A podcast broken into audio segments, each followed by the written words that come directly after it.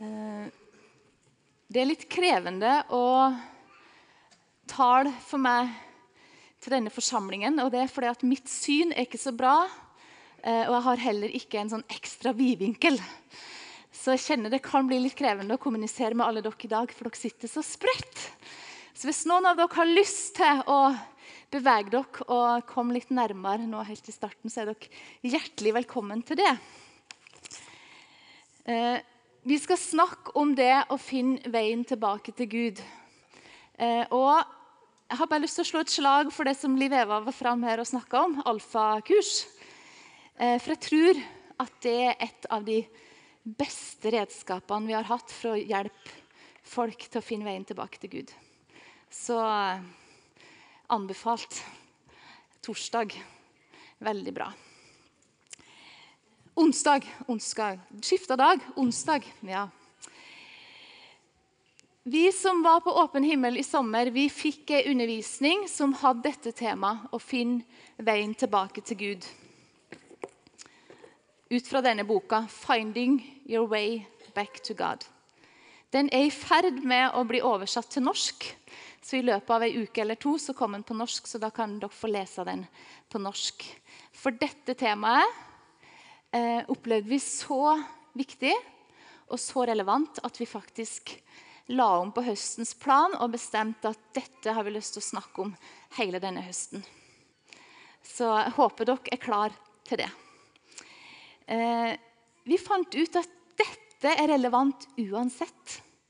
Uansett hvem vi er, uansett hvor vi er, uansett hvor vi står hen, så er dette uansett relevant. Og det å finne veien tilbake til Gud er noe som alle mennesker holder på med. Vi holder på med det, å finne veien tilbake til Gud.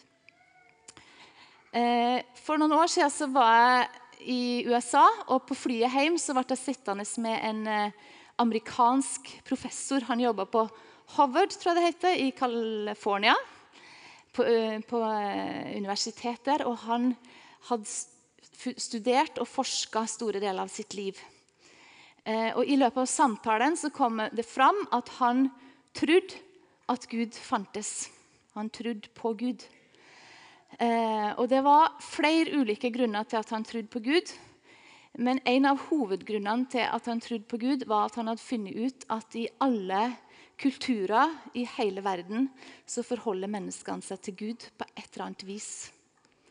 Eh, og som han sa, Hvorfor i all verden skulle mennesket på hele jorda gjort det hvis det ikke fantes en Gud? Derfor så trodde han på Gud. Eh, og Litt den samme opplevelsen fikk jeg for noen år siden. Når vi flytta dit som vi bor nå, så eh, ble vi, meg og mannen min og et annet par som bodde litt lenger ned i samme område, enige om at vi hadde lyst til å starte ei bibelgruppe. Og vi hadde lyst til å invitere naboene i vår gate og i deres gate. Og Det var folk som ikke gikk i kirka eller ikke tilhørte IMI. og heller ikke gikk noen plass. Men vi spurte liksom Gud litt hvem skal vi invitere, og så inviterte vi de vi fikk tro for. Og overraskende nok så sa alle ja. Alle ble med. Eh, og De første kveldene brukte vi på å dele historien vår. Troshistorien eller livshistorien. Og min oppdagelse var da at uansett om disse menneskene ikke gikk i noen menighet, så hadde de utrolig mange punkt i historien sin som eh, handla om Gud, som handla om tru. De hadde hatt møtepunkt. De hadde ting i livet sitt hvor de hadde forholdt seg til en Gud. Eh, så de hadde på en måte trua på Gud, sjøl om de ikke hadde tilhørigheten til menigheten. Eh, og Jeg husker også at for veldig mange år siden det også, så, så jeg på Egil Svartdal på, på TV-pastoren på TV 2 eh, hvor han reiser til Utsira og intervjuer folk på Utsira. Og går og spør dem om de tror på Gud. Og Blant annet så intervjuer han kirketjeneren i Utsira kirke. Og så spør han tror du på Gud. Ja, han tror på Gud. Tror du på eh, Jesus? Ja, han tror på Jesus. Ja, Tror du at Jesus døde for deg og sto opp igjen? Ja, ja, det trodde han på. Så du er kristen? Nei, nei. Nei, det var han ikke. Han var ikke, han var ikke av de. Nei, men du tror på det, men du er Nei, nei han gikk ikke til nattverd. Nei, han var, han var liksom ikke blant de. Eh, Det gjorde så inntrykk på meg. Jeg tenkte hallo! Eh, hvor er det det har, har blitt misforstått hen? Hvor, hva bunner dette i? Eh, og Som regel så handler det ikke om at folk ikke tror lenger, men det handler om at de tenker at de ikke tilhører. Eh, og det har blitt en avstand mellom det vi tror, og det vi erfarer. Eh, og veldig ofte så tror jeg ikke at vi nødvendigvis er så veldig bevisst på den avstanden heller. Det er ikke noe som vi går rundt og tenker på. Eh, og det er ikke sånn at vi blir på en måte minnet om det hele tida, sånn som når vi er på, på undergrunn i London. Mind the gap. sant? Mind the gap, mind the gap. Kommer hele veien. Pass på avstand mellom her. Pass på avstand. Eh, men det er ikke en sånn bjelle som ringer i hodet at nå må vi passe på avstand. Nå har det blitt litt avstand mellom det du tror, og der du er. Vi får ikke en sånn reminder. Eh, men i sommer så opplevde jeg en avstand som jeg ble sørgelig klar over. Eh, og som fikk litt konsekvenser for meg. Og Jeg nevnte så vidt for dere som var på Åpen himmel. Men i sommer var jeg altså i Forup sommerland med Erling, mannen min, og Lisa, dattera mi på tolv år. Eh, og det er ikke jeg som er drivkraften på ferier for å gå på sånne steder. Det ligger, det kommer ikke, initiativet kommer ikke fra meg, men jeg er med. Og jeg er veldig fornøyd med en sånn dag hvis jeg har unngått å tatt noe som helst som går rundt seg sjøl. For da er jeg kvalm resten av dagen. Så da er jeg veldig fornøyd. Men det var fint vær den dagen. Og det var sol. og Det var benker der, så jeg hadde det ganske bra mens de holdt på med dette her. Men så var jeg da med på padletur, og det er jo, for, det er jo veldig rolig og hyggelig og koselig. På sånn trøbåt, vet du. Det går ikke rundt seg sjøl. Så meg og Lisa og etter hvert Erling hoppa oppi, og vi var på sånn padletur. Eh, og Vi tok flere runder, det var fint vær. Og så, og så kom vi til land, til brygga. Så hoppa Lisa i land, tok tauet og liksom skulle holde båten. Og så skulle jeg gå i land. Og idet jeg går i land, så kjenner jeg at nå får båten litt ut igjen. Så jeg har på en måte ikke balansen mellom land og båten. Jeg kjenner at oi. Og Det første jeg tenker på, det er at oi, jeg har mobilen og lommeboka og alle verdisakene i veska. Jeg må bare få det på land, så jeg hiver den på land. Og idet jeg hiver det på land, så har jeg jo litt sånn tyngdepunkt mot land. Så tenker jeg, å, jeg får sikkert tak i den pålen. Så jeg prøver å gripe den, men jeg får jo ikke skikkelig tak, så handa bare glir. Og så glir jeg, og så glir jeg elegant bak og detter pladask uti vannet. Og kommer opp igjen og er søkkblaut. Hele meg er bare drypper. Og det er masse folk der, for dette er en fin dag, og da er det fullt. Og masse folk i sånne parker. Og det står masse folk rundt der, og de bare kikker på meg. Ingen sier noe, ingen ler. Unntatt meg og Erling og Lisa. Vi holder på å dø av latter. Eh, og vi går tilbake, Det eneste vi kan gjøre, er å gå tilbake til bilen gjennom hele parken. Over parkeringsplassen, for vi har parkert langt ut mens jeg drypper. Og Jeg prøver å være litt morsom, så jeg sier til Lisa at ja, ja, det er litt annerledes med tømmerrenna i Danmark enn i Norge. Så jeg prøver liksom å eh, Og så hører vi noen si at eh, du, jeg tror ikke vi går i tømmerrenna likevel. Se på hun. Eh, jeg ble rimelig klar over at det var en avstand der som, som, jeg ikke helt hadde kontroll på. Og jeg sto utrolig ustøtt. Eh, og så har Gud minnet meg på det etterpå og gitt meg bilde av det at han har egentlig ikke tenkt at vi skal stå sånn ustøtt. Han har egentlig tenkt at vi skal stå utrolig støtt hos han. I han, i det han er, i det han sier. Han har tenkt at vi skal stå helt støtt. Kan ikke stå sånn og vingle imellom det han sier, og det vi sier, eller det verden sier. eller Vi skal stå støtt. Eh, og Denne boka snakker om at det er en reise, og at vi er på ei reise. Og ei reise det er å fjerne avstand mellom der jeg er nå, og dit jeg vil. Eh, å fjerne avstand. Altså ikke bare mind, ikke bare bli klar over gapet, men å fjerne det. Eh, og I denne menigheten så snakker vi mye om at Gud er nær. Han er nær. Men det kan faktisk skje at vi opplever at Gud er ikke nær. At han er borte. Eh, og dere som er damer i denne forsamlingen, dere kan komme og høre på Liv sin historie på tirsdag på Ostehuset. Da skal hun fortelle om det. Når Gud blir borte. Når Gud som har vært nær, oppleves og er borte vekk. Og så kan jeg anbefale å komme og høre på henne, for det er håp. Han er å finne igjen. sant? Han er å finne igjen. Eh, og han er til stede i liv sitt liv. Så kom og hør på den historien. Eh, den gir utrolig mye håp. Eh, I en amerikansk undersøkelse så sier 92% av befolkningen at de tror på Gud. Men veldig mange av de sier også i samme undersøkelsen at de kjenner ikke at de er connecta, at de har relasjon med Gud. Og Det er litt uavhengig om de har kryssa at de går i kirka eller ikke går i kirka. Så De tror på Gud, de går kanskje eller kanskje ikke i kirka, men de kjenner ikke at de har relasjon. Eh, så ofte så er det, sjøl om vi tror på Gud, så kan det være et, en avstand mellom der vi er, og det vi egentlig ønsker å være, eller til det Gud har tenkt at vi skal være. Godt planta hos Han. Eh, og jeg tror Gud er veldig klar over det. Eh, I Isaiah 53 så står det jo profetert sant, lenge før Jesus kom, om at Jesus skulle bli eh, såra for våre overtredelser. Han skulle bli knust for våre misgjerninger. Altså Det er profetert over det som skal skje på korset. Og så Rett etterpå så står det Men vi for alle vill som får. Vi vendte oss hver vår vei.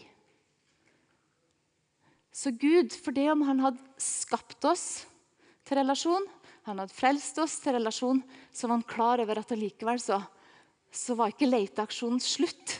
For at menneskene de fortsetter å far vill for å hver sin vei. Så han var klar over at allikevel så må jeg fortsette å lete. Selv om jeg har både skapt de og frelst de, så må jeg på en måte hente inn allikevel. Eh, og når vi snakker om denne reisa for å finne tilbake til Gud, så tenkte jeg at det første vi må gjøre, det er å bestemme og avklare hva den reisa ikke er. Eh, og den reisa er ikke å bli mer religiøs. Eh, er det noe som Jesus ikke var tiltrukket av når han gikk på jorda, så var det religiøsitet. Er det noe han tok avstand fra, så var det religiøsitet. Så det handler ikke om å bli mer religiøs. Det handler heller ikke om å fjerne all tvil. Det tror jeg ikke vi klarer, noen av oss, så lenge vi lever her på jorda. Eh, og tro og tvil hører egentlig sammen. Og tvil kan ofte være et rop om tro, og kan føre til tro. Så tvil, det vil vi ha. Eh, og jeg går nå i ei annen gruppe eh, med damer som noen har vært kristne hele livet. Noen har vært kristen en liten stund, eh, og noen har regner seg ikke som kristen. Og når vi starta den gruppa, så laga ei i gruppa ei Facebook-gruppe. Og så skrev hun navnet på gruppa. For de som tror, tviler, undrer eller ikke helt finner ut av det. Og så tror jeg Hun tenkte at når hun laga det navnet, så hadde hun på en måte favna alle. De som tror, de som tviler, de som undrer, og de som ikke finner ut av det. Men så tenker jeg at det navnet favner alle, fordi at alle er vi litt der. Det er ting som jeg tror, og det er ting som jeg tviler på. Det er ting som jeg undrer på, og det er mange ting jeg ikke helt finner ut av. Eh, så alt det sier om hvem jeg er. Og det å tro og det å være kristen handler om å leve midt i den spenningen mellom det vi har forstått, og det vi har erfart, og det vi har fått åpenbart, og det som vi syns rart, og vi enda ikke det som er et mysterium. Og det er det som gjør at det er så spennende, syns jeg. Eh, så det handler ikke om å fjerne all tvil. Og det handler heller ikke om å ta seg sammen og bli en bedre person. Det er et ganske slitsomt prosjekt, og ofte et ganske kortvarig prosjekt, fordi vi gir opp ganske fort. Så det handler det ikke om. Eh, og så handler det heller ikke om å gjøre en slags deal med Gud, hvor jeg gjør så godt jeg kan, og så får han gi meg en plass i himmelen. Det handler ikke om det. Den dealen har Gud fiksa for lengst. Den kan vi bare ta imot. Eh, å finne tilbake til Gud, det handler om å finne kraft som er sterkere enn meg sjøl, og som kan hjelpe meg gjennom livet. Eh, det handler om å finne en kjærlighet som er så sterk at det faktisk forandrer på måten jeg tenker på og føler på. Eh, det er ei reise for de som ønsker å stå opp hver eneste dag og ha en hensikt. og Være klar over vite hvilken hensikt har jeg med livet mitt. Og som ønsker å ha et håp for alle dager som ligger foran. Lengselen etter Gud er egentlig en litt sånn universell ting. Det er noe som alle mennesker har, enten de er klar over det eller ikke. Og Det er veldig mange likhetstrekk i den reisa som folk har mot Gud. Og Det kommer vi til å snakke om senere i høst, så det skal jeg ikke snakke om nå. Men det er mange likhetstrekk. Eh, men det som jeg har lyst til å bare fokusere litt på, det er et viktig prinsipp i dette her. Og det er at når vi leter etter Gud eller prøver å finne Gud, så er han enda mer opptatt av å finne oss. Gud ønsker å bli funnet mer enn vi ønsker å finne han. Eh, og Når vi har vært litt sånn lenge bort fra Gud, eller tenker at vi har vært lenge vekk fra Gud, så er det lett for oss å tenke at nå vil han helst slippe å se oss. Nå vil han helst slippe det. Men saken er den at før vi har tatt ett skritt i hans retning, så er han på vei mot oss. Da er han på vei. Eh, og det står det mange ting om i Bibelen, og jeg skal bare lese noen av dem. I Jeremia 29, 13-14 så står det Dere skal søke meg, og dere skal finne meg. Når dere søker meg av hele deres hjerte, jeg lar meg finne av dere. I Jakob 5,8 så står det Hold dere nær til Gud, så skal Han holde seg nær til dere. Det er aldri Han som trekker seg unna. I 1. krøniker 1,29 så står det For Herren forstår alle menneskers tanker og råd. Dersom du søker ham, skal han la seg finne av deg. Tenk hvor utrolig viktig det er for oss å bli forstått. Eh, og når tenåringene våre plutselig over natta føler at foreldrene ikke forstår dem lenger, sant? så opplever de et behov som ikke er møtt. Og da ofte trekker de seg litt unna. Sant? Men Gud, står det, han forstår alle våre tanker. Alle våre tanker forstår han. han. Det er ingen grunn til å trekke seg unna. Han forstår. Tenk å si det en gang. Han forstår. Og så står det i Salme 53, 3, For fra himmelen skuer Herren ned på menneskenes barn for å se om det er noen som har forstand og søker Gud. Eh, og Når jeg tenker på det at Gud skuer fra himmelen ned, så tenker jeg på historien om den bortkomne sønn. Hvor det står at Gud sprang ham i møte. Men så står det òg at han har stått der og kikka lenge før han så at den kom. Han har stått og speida. Han har stått og skua etter.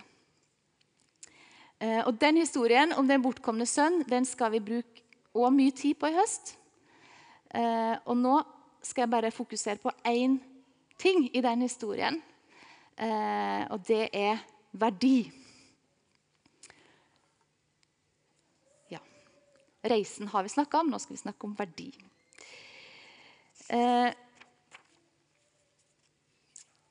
Det står egentlig ikke noe i den historien om den bortkomne sønn hvorfor han reiste av gårde. Men jeg tror kanskje han reiste av gårde fordi han hadde begynt å la storebroren definere verdien sin. Han hadde begynt å la storebroren sin standard sette sin standard, og så nådde den ikke opp. og Så ble det slitsomt, og så ble det krevende og kavete. Og så fant han ut dette gidder jeg ikke mer. Nå reiser jeg. Eh, og så reiste han av gårde, og han fikk nye venner. som han tilsynelatende opplevde ga han ny verdi. Fordi at han hadde penger, han kunne lage fest, han skjedde mye rundt, han var populær, og han kjente på en måte at hm, nå har jeg verdi. Eh, men når pengene var vekk, så forsvant òg opplevelsen av verdi. Fordi at verdien var knytta til det han hadde, og ikke til det han var. Så den verdifølelsen han hadde, vekk, hadde kjent, den var vekk når pengene var vekk. Eh, og til slutt så satt han eh, hos grisebonden med grisene og oppdaga at nå har jeg egentlig av grisebonden fått verdi. Jeg er like verdifull som en gris. Det var den verdien grisebonden klarte å gi. Og det er jo ikke mye, med mye verdi å kjenne på sitt eget liv. Og det var når han kjente det, at han skjønte at nå må jeg tilbake til far. For han hadde et håp om at far kunne løfte den verdien litt. Kanskje han kunne bli tjener. Tjeneren er over grisen. sant? Så han reiste tilbake for å se om han kunne hente tilbake en flik av den verdien som han opprinnelig hadde. Så vet vi at når han kom hjem, så gjorde han en fantastisk oppdagelse. For verdien hans hos far var ikke rokka med i det hele tatt. Eh, verdien var helt lik. Og det var ikke bare noe faren sa, men det var noe faren viste. Det var noe han fikk opplevelsen av. Han fikk virkelig opplevelsen av at verdien var helt den samme. Han hadde sløst vekk alt han hadde, men han hadde ikke sløst vekk verdien sin. Det går ikke an å sløse vekk den eller miste den. Hos Gud er den alltid konstant. Så uansett hvilken verdi omgivelsene setter på oss, så er verdien konstant hos Gud. Den kan aldri sløses vekk. Eh, men når jeg beveger meg vekk fra Gud, så får det ofte konsekvenser for hvordan jeg opplever min verdi. Sant? Hva jeg føler på, hvordan jeg føler min verdi. Eh, og min, mine dypeste lengsler om å være elska og verdsatt ubetinga, de kan av og til lede meg enda lenger vekk fra Gud fordi at jeg leter på feil plass. Eh, og nå kunne jeg ha lest historien om den bortkomne sønn, men jeg skal lese en annen historie. Eh, som er fra vår tid. Den står inni denne boka. Jeg skal lese historien om Linda. Eh, og Mange av dere har sikkert lest denne boka og lest historien om Linda, men jeg skal lese den fordi at den sier meg så mye om det som jeg har snakket om nå, om det med verdi. Så lytt til historien, og lytt etter hva sier denne historien om verdi. Vi kan tenke oss at dette er apostlenes gjerninger ca. 2000 og et eller annet. Linda kom til Akta bibelskole med en historie som er så vond at det nesten er vanskelig å helt begripe. Under oppveksten i ei mindre bygd nordpå opplevde hun fra hun var fire til fem år og opp mot tenårene at hun gjentatte ganger ble seksuelt misbrukt. En grov voldtekt da hun var fem-seks år, satt særlig i. Som barn hadde hun konsentrasjonsproblemer på skolen og slet med sterke smerter og mye frykt. Slik endte hun også opp som et enkelt mobbeoffer. Hun ønsket å dø og forsøkte første gang å ta sitt liv som tiåring. En fysioterapeut fant ut at den ene foten hennes var kortere enn den andre, noe som resulterte i en skjevhet i ryggen. Kombinasjonen av disse fysiske forutsetningene og en stadig voksende angst gjorde at smertene i rygg og nakke ble verre og verre. Tidlig i tenårene gjorde hun sin første erfaring med rus. En deilig opplevelse, for nå fikk hun jo hvile fra smertene. Det tok ikke lang tid før stoffene ble sterkere enn alkohol og Paralgin forte, og det ble stadig vanskeligere å fungere uten rusen. Samtidig var følelsen av å være verdiløs enorm. Hun søkte i mange retninger og trosretninger. Det alternative miljøet appellerte særlig sterkt til henne. Politiske miljø med rød ungdom og feminisme stanset hun opp ved. Hun møtte mange menn som fikk gjøre hva de ville med henne seksuelt. Hun spilte ofte rollen som den lille jenta, og samtidig ble rusbruken bare tøffere og tøffere. Som 18-åring tok hun abort etter et uønsket samleie. Etter hvert som hatet mot menn vokste, fikk også andre jenter ta plassen som kjærester. Samtidig følte hun seg mer og mer som en mann selv. Hun konkluderte med at hvis Gud fantes og var god, kunne hun ikke være kvinne, for kvinner var verdiløse. Individer som mannen kunne gjøre hva han ville med. Ved å konkludere med at hun selv var mann, kunne hun føle en slags verdi. I starten av 20-årene dukket Gunhild opp, en fysioterapeut som kom til hjemkommunen. Hun viste Linda omsorg og fortalte henne om Jesus. Dette ble Lindas første møte med Guds kjærlighet. Hun lot seg forundre av det hun møtte. Hun hadde hørt kristne forkynnere før, men nå møtte hun også en som levde det hun forkynte. Hun sier, 'Jeg hadde mange ting i livet. Kjæreste, rus, familie og mye annet. Men jeg hadde ikke engang halvparten av den kjærligheten hun hadde.' Linda så en som levde ut Jesuslivet i hverdagen.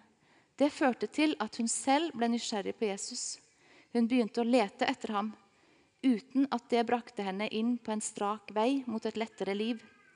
Hun brøt opp fra partneren sin, lette etter Jesus i hippiemiljøer og endte opp i enda tungere rusmiljø. Nå så de fleste rundt henne at hun var på vei mot døden. På 26-årsdagen sin fant hun seg selv i hagen til sin bror, tungt ruset. Hun hadde gått lenge uten mat, søvn og vann. Så falt hun på kne og sa til Gud, 'Jeg har ikke noe å leve for. Alt fører til død. Jesus, ta livet mitt.' Nærmest øyeblikkelig skjedde det en forandring. Gud møtte henne der og da. Livet ble snudd opp ned, og de neste månedene begynte hun å lære om hvem denne Gud hun hadde møtt, egentlig var. Likevel var ikke utfordringene over. Som nyfrelst var hun klar til å redde verden og vendte tilbake til rusmiljøet for å fortelle om ham. Det endte med at rusen gikk, fikk henne igjen, og nok en gang var hun nær ved å dø av overdose. Da hun igjen forlot rusmiljøet, ble hun anbefalt et år på Akta bibelskole. Og med denne historien som bagasje kom hun til et år som snudde, rundt, snudde rundt på livet hennes. Hun sier selv at prosessen gikk i turbotempo. Vi har ikke plass til å fortelle alt her. Men i en god blanding av forbønn, veiledning og menneskelig godhet og omsorg opplevde hun at stadig nye sår ble reparert. Hun begynte å forstå at hun var verdifull. Suget etter rus ble byttet med et sug etter Jesus.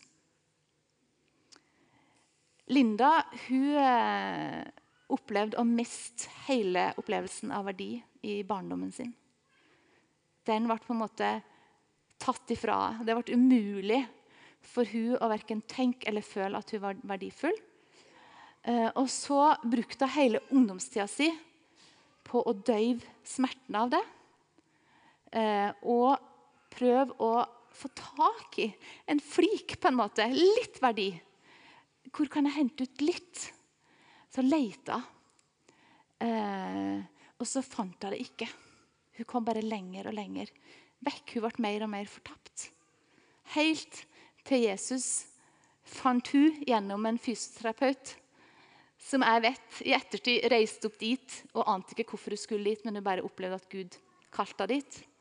Eh, og skjønte etterpå at det var pga. Linda jeg skulle dit.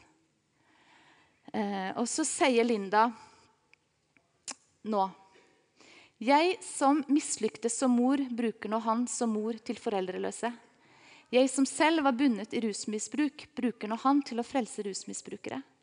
Jeg som ikke kunne se mennesker i øynene fordi jeg var bundet av sosial angst, bruker nå han til å evangelisere og møte folk på gaten. Jeg som ikke turte å åpne munnen for å si noe blant folk, eh, bruker han til å tale på store og små møter. Jeg som ble sett på som en taper i samfunnet, lar nå Jesus og Den hellige ånd få åpenbare sin herlighet gjennom. Jeg inviterte Linda hit i dag, for jeg hadde så lyst til at hun skulle fortelle historien sin. Eh, og Hun hadde lyst til å komme, men hun kunne ikke det, for nå er hun i Tromsø eh, på noe som heter Nordic Mission, sammen med en som heter Håkon Fagervik, som kanskje noen av dere kjenner. Og har bestemt at dette året skal hun bruke tre. Eh, jeg skulle veldig unna dere å møte hun flotte der.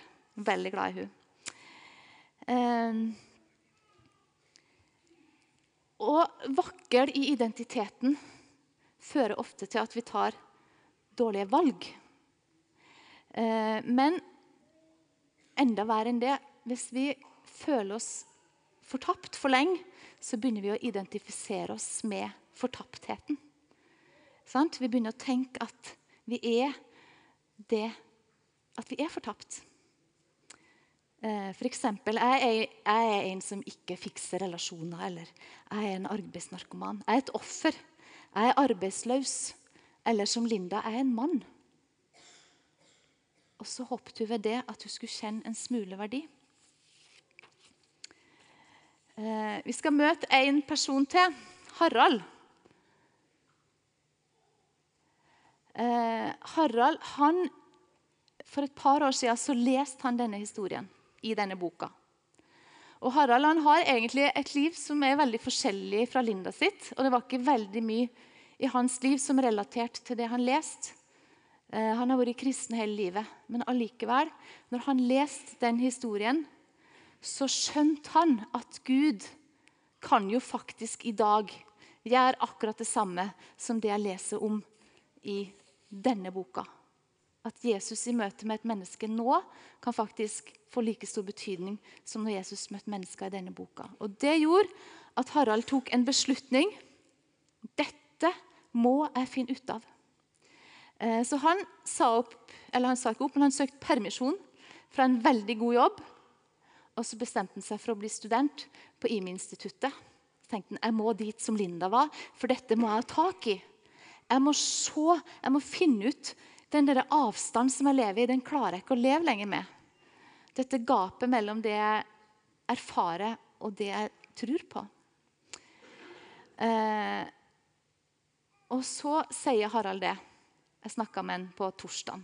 Så sier han det. Det ble ei reise som ble så grunnleggende for meg og satte meg fri fra ting som hadde hindra meg i min relasjon med Gud. Jeg beveget meg fra noe som jeg holdt for å være sant, til et liv. Fra kunnskap til kjennskap. Eh, så historien om Linda gjorde Harald klar over det gapet som egentlig har vært der veldig lenge i livet hans. Det gjorde han klar over det så kjente han en lengsel etter å ta den reisa for å fjerne den avstanden. Han, han ønska ikke å leve med den avstanden lenger. Han ønska å plante begge beina sine i den identiteten som Gud hadde.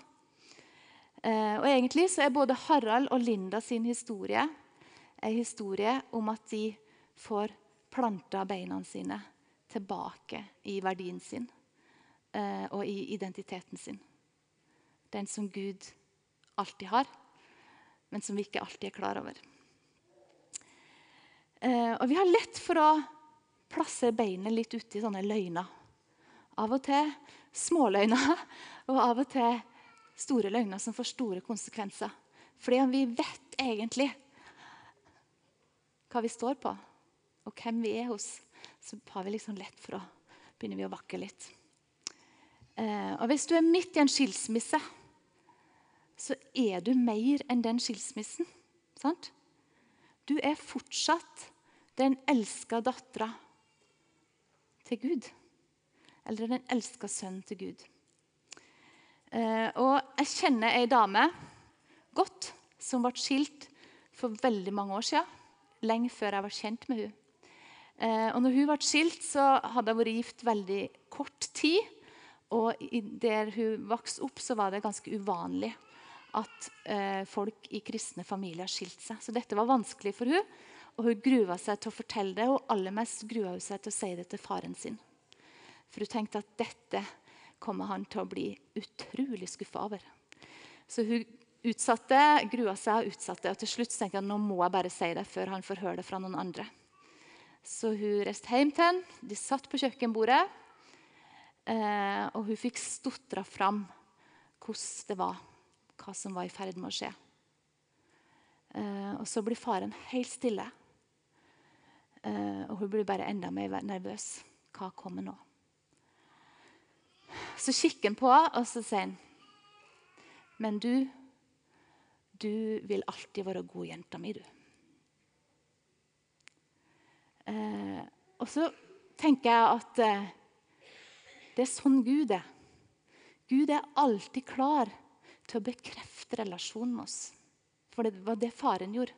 I stedet for å fordømme det som hadde skjedd, eller sånn, så bare bekrefta han relasjonen sin til dattera. Og at hun skulle være så sikker på at hun var like elska og like bekrefta av han som hun alltid har vært. For en far.